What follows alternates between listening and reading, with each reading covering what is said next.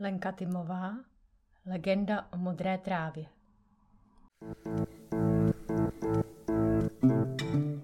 Kapitola 11. Dnes jen nakoukneme, jak ve své rázném městečku probíhá vyšetřování bankovní loupeže. Policejní hlášení. Vážený náš milej šerife, na vaši žádost, jak je možný, že se v případě vykradení banky nedá nic vyšetřit, jsem byl pověřený podat vám podrobný vysvětlení zrovna já písemně. Oné noci, kdy došlo k nepochopitelný loupeži, jsem ve vašich službách šéfoval noční ochranné hlídce města. To je sobě a tomu ožralovi PD. Od desíti hodin večer do té doby, než ráno otevřou krámy, což bývá různě. Během naší služby se nic zvláštního nestalo. Jenom David S., štamga z salonu, zase tolik vyhrával v pokru, že chlapi řvali, jak už mu tu hubu fakt jednou rozbijou a že má cinknutý figury, ale to není zvláštní, to je furt. Uh, my mu ty karty každý večer zabavíme a on si zas ráno pocinká jiný a tak pořád. Taky jsme, jako každou noc, pořádně zkontrolovali, jestli se v salonu nezdržují prostitutky, ale zas tam ty mrchy nebyly. V příštích hodinách jsme 15 minut jeli městem, eh, když jsme si na rohu páté a sedmé ulice všimli tří podezřelých individuí. Z níž jedno je tajné, protože je to vaše dcera. Poznali jsme taky dívku Jenny z kovárny na předměstí. Ale nijak jsme ji neotravovali z důvodu, že není prostitutka. Chlapa, co byl s nima, jsme v městečku nikdy neviděli a zřejmě už neuvidíme, protože dost krvácel z hlavy, přičemž utíkal opačným směrem, než vedle bydlí doktor. V příštích okamžikách jsme do rána jezdili městem zbytečně. Ohrazuji se, vážený náš milej šerife, proti vaší naštvanosti, že jsme loupež banky nezačali vyšetřovat včas, protože za to můžou ty blbí úředníci. Místo, aby hned po zjištění prázdního trezoru ohlásili loupež, hodinu se hádali, který z nich je debil, co zapomněl zamknout hlavní dveře a jak je možný, že i tresor byl nepoškozený do kořán. V první fázi všechny vyspovídal ředitel banky Randall z podezření, že jde o pouhý zaměstnanecký zanedbání. Bůh ví, kam tu tržbu uložili, protože to prej si z něj snad dělají prdel. Výslechem zjišťoval, kdo naposled a jestli vůbec včera zamykal trezor. Jak jsem později i já pochopil, dvířka hlavního sejfu jsou na pět zámků a každý lepší úředník má od jednoho klíč. Včera, po pracovní době, tři z nich normálně zamkli. Načež v celé bance vypukla scháňka po čtvrtém majiteli klíče. Nikde nebyl, akorát dávno tajně doma, protože mu zrovna měl přijít instalatér na trubky. Ale vrátil se s proklínáním a s klíčem, aby taktéž zamkl čtvrtý kus trezoru. Z dalších výpovědí vyplynulo, že majitel pátého klíče dal výpověď v zimě. Na otázku, kde je teda těch zatracených 78 216 dolarů, když byli čtyřikrát zamčený a trezor není vypáčený, nedokázal řediteli Randalovi nikdo odpovědět. Vydal se tedy vyšetřovat přímo na místo zločinu. Zjistil, že za prvé, chybí hotovost jedině v dolarech, cizí prachy zůstaly na regále rozházený, ale všecky.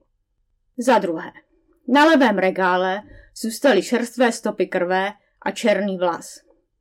Za třetí, pod pravým regálem zůstala zapomenutá desetidolarovka. Za čtvrté, v koutě místnosti se válí podezřelý předmět v podobě kousku provázku, co se s nima vážou jedině takový ty velký poštovní pytle. Za páté, nikdo neví, kam se poděla ta nalezená desetidolarovka. V této fázi zaměstnanci svého ředitele dlouze utěšovali, že z hlavního města dostane novou hotovostní dotaci a o co jde. Ale Randall údajně odseknul, že na blbost jeho úředníků by nestačila vydělávat ani celá Wall Street a že jde vyhledat policejní hlídku. Tím jsem se na samém konci své pracovní doby teprve dostal k vlastnímu vyšetřování. Vlastním vyšetřováním jsem zjistil, že za prvé chybí hotovost jedině v dolarech, cizí prachy zůstaly na regále rozházený, ale všecky. Za druhé, na levém regále zůstaly čerstvé stopy krve a černý vlas. Za třetí, pod pravým regálem údajně zůstala zapomenutá desetidolarovka, která ale během deseti minut zmizela. Za čtvrté, v koutě místnosti se válí podezřelý předmět v podobě kousku provázku. Mám silný podezření, že právě těmito se vážou takový ty velký poštovní pytle.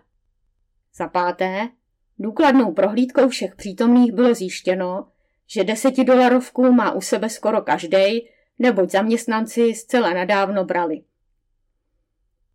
Vážený náš milej šerife, není pravda, že jsme pro dopadení zločince nepodnikli žádné další kroky. Kolega PD přivedl do bankovního trezoru policejního psa s úmyslem nasadit ho na stopu. Zvíře se však začalo chovat velmi podivně. Jen čichlo k podlaze sejfů. Ten vlčák vil jak dobytek. Taky se třáslo. Přítomný ředitel Randall s údivem podotkl, že v tom trezoru snad musel řádit sám ďábel. Kolega PD dále nutil psa čuchat, bohužel pouze s výsledkem, že tento se poblil. Zrovna do toho rohu, co ležel inkriminovaný provázek. Psa jsem osobně odvedl zpět na policejní stanici a nařídil jsem, ať se dostaví pes nový. Nový pes se dostavil v 13.05 hodin. K potěšení všech přítomných i hned chytil stopu. Šli jsme v jeho stopách ve složení já, kolega PD, ředitel Randall, čtyři lepší úředníci, všichni horší úředníci, vrátnej. Stopa překvapivě mířila k policejní stanici. Což se zdálo velmi nadějné do chvíle, než pes číslo dva triumfálně vystopoval poblitého psa číslo jedna. V další fázi pátrání jsem se obrátil. Za A. Na veřejnost s výzvou, jestli někdo něco ví. Za B. Na bankovní úředníci, jestli něco spozorovali. První lepší úředník s klíčem pozoroval, že čtvrtý úředník opět využil zmatku vyšetřování k nepozorovanému opuštění pracoviště, neboť instalatéři i úředníci mají bohužel stejnou pracovní dobu. Ad A. Na výzvu veřejnosti se přihlásila vaše dcera, šerifé, se zajímavým udáním na kováře z předměstí, který údajně umí vyrobit klíč ke všem dveřím. Takže pak nemusí lámat zámky sejfu. Krajně podezřelý hlavně je, že je už značnou dobu tři dny nezvěstnej. A dále, v noci poblíž vyloupené banky zdržovala kovářova důvěrnice slečna Jenny. Což jsme sami viděli. Že ji tam Karol viděla, ale viděli jsme jenom tu Jenny, nikoho jiného. Navrhuji následující postup vyšetřování. Za prvé, lepšího bankovního úředníka číslo 4 potrestat odebráním prémií i klíče od trezoru a ponížit ho tak do funkce pouhého úředníka. Za druhé, během hlídky je každá hlídka povinna bděle sledovat, který tmavovlasý muž má čerstvě rozbitou hlavu a okamžitě takového zadržet, aby mu neutekl. Za třetí, preventivně nechat opravit městské vězení, protože slečna Karol sama upozornila, že jeho zdmi by mohly volně procházet krávy. Respektujeme, že ona to musí vědět nejlépe, neboť během své exkurze městem prošla. Za čtvrté, důkladná zvěrolékařská prohlídka policejních psů. Za páté, vyslechnout a radši nechat zavřít dívku Jenny z předměstí dokud nepřizná, co tam v noci dělala, jestli není prostitutka. Za šesté, vydat zatykač na nezvěstný individuum, kováře daná, že umí takový klíče a přitom tu ani není. Za sedmé, provádět namátkové domovní prohlídky všech obyvatel městečka s cílem nalézt korpus, škrtnuto, uh, corpis delict, škrtnuto, uh, coitus delicti, no totiž ten pytel s důrazem na velikost šňůrky. Za osmé, za příkladnou spolupráci vyplatit slečně Karol odměnu ve výši 100 dolarů z městské pokladny. Závěrem bych vás, vážený náš milej šerife, rád potěšil dobrou zprávou, že vykradený byly pouze účty městské pokladny a provozní kapitál banky. Soukromé trezory zůstaly v bance zcela netknuty. První lepší úředník nás všechny ujistil, že všech 3505 dolarů, které jste si hned po nástupu do funkce uložil pod tajným heslem Karolka, zůstává i nadhale v naprostém bezpečí a pod diskrétní ochranou nejspolehlivějších profesionálů. S úctou Jerry Fox Baldwin, velitel hlídky. Konec hlášení. Zřejmě se tu skvěle bavím jako jediný. Nemám strach, že zrovna tahle policejní akademie dokáže úspěšně pátrat po komkoliv, tím nebezpečnější ale dovede být nenávistné udání. Karol se podle očekávání mstí. Situaci mám však pod kontrolou. I proto, že jsem se ke zdejší policii přihlásil jako posila v roli pohledného Westmana, stopaře. Předložit štos skvělých doporučení pro mne není problém. Mimo jiné tím, jak si legalizují svůj pobyt v městečku a mohu se v lidské podobě stýkat s ženy. Ještě je třeba doplnit, že autor policejního hlášení je nedoučený čalouník, což snad hovoří za vše. Příspěvek nepotřebuje stylisticky dopilovat, ale úplně celý přepsat. Úplně celý jsem ho tedy přepsal, bez čárek, s chybami, unikátní originál. Na příští pařbě s modrým větrem, někdy na Silvestra, si něm možná polistujem.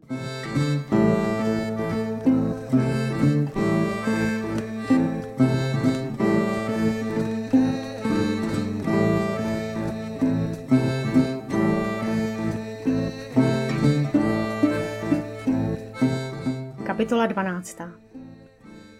Věčná, palčivá žízeň Danovi nedovolovala nadlouho opustit břeh řeky, ale její proud z chlapce aspoň neomylně vedl k novému cíli modrých nadějí. Moře. Nebylo tak blízko, jak by si přál. Hrdle cítil hořet písek, po těle stékat ledový pot věčně blízkém dloby. Nutnost zastavit a do chvilkové sitosti pít Danovu úmornou cestu dost zdržovala. Neviděn jsem se mu loudal v patách, abych pozoroval svůj muzikantský objev velmi pozorně. Jak je to dlouho, co nestydatě a s jistou píchou tvrdil, že je na dně. Tehdy mu ještě nescházelo nic, jen zkušenost. Tentýž chlapec se dnes křovím podél břehu prodírá pěkně po svých a nemůže to být nic příjemného. Od chvíle, co ji pod skalou svlékl, nemá ani košily. Jediným jeho majetkem je klíč od všech dveří, pozapomenutý v kapse kalhot a samozřejmě kytara. Má ještě dar pevného odhodlání, který musím chtě nechtě obdivovat. Ano, ten kluk dosud ani na okamžik nezapochyboval, že od někoho modrou trávu vyprosí. O bohatství svého talentu Dan zatím nic neví. Za to jeho žíznivé prokletí na sebe nedává ani chvíli zapomenout. Ale víte, co je vůbec nejlepší? Nějak se nám přestal věčně litovat. Nemá na to čas. Cítil jsem ďábelsky číhavé vzrušení, podobné lovecké vášni. Jako když stopujete raněnou laň, když dobře víte, že nemá šanci uniknout. Ne, můj příští klient ještě nebyl docela na dně. Jen v situaci dost nepříjemné. Ale chvíle, kdy tento muzikant potká ďábla, chvíle, kdy se na konci svých sil bude muset rozhodnout, už byla velmi blízko. Až jsem si občas kladl otázku, jestli nepřeháním. Zda Danovi nepřitahuju uzdu osudu až moc rychle. Z lidského soucitu mě rozhodně nepodezírejte. To bych si vyprosil. Jen... Hmm, hloupé bylo, že Dan jedl naposledy ten kus tvrdého chleba těsně před výstupem do skal. Omdlíval teď víceméně hladem, který od své vyprahlosti ani nedokázal rozeznat. Nebylo v mém, natož v jeho zájmu, aby na půl cesty za modrou trávou našel vysílenou smrt žebráků, kde si stranou lidských cest. Ne ďábel, hlad a žízeň, ale právě lidé dokáží nejkrutěji zocelit, až duše mrazem zpívá. Jenže muzikant teď právě, co čert nechtěl, nemá ani tu košili. I z každé vesnice by ho hnali. Sakra, sakra. Když jsem konečně přišel na způsob, jak Dana nenápadně vyzkoušet a zároveň mu pomoci, počkal jsem na něj na místě nejblíže schůdného přístupu k řece. Jak jsem předpokládal. Skutečně si mě ani v lidské podobě zpočátku nevšiml. Bylo jasné, že neodolá příležitosti dlouze pít. Rychle odložil kytaru, aby vodu z řeky nabíral do dlaní a úst s takovou vášní, jako by našel poslední pramen světa. Neviděl, nesli. Vida, přece slyšel. Tóny vlastní kytary. Musel jsem mu ji maličko doladit. Bylo vážně milé, jak Dan úlekem na okamžik stuhl. Ba i pít zapomněl, aby se vrhl po člověku, který mu právě sebral i to poslední. Buď zdrav, Dane. Přece se nebudeme prát. Dědečku, vy? Vzpomněl si, když jsme se naposled viděli. V jeho myšlenkách se myhl oheň, pečený krocan i nějaká ta rada. Dobrá kytara, pokýval jsem hlavou a s radostí lítal prsty po hmatníku. Hm, mezi námi. Dobrá kytara vypadá jinak. Hlavně jinak zní.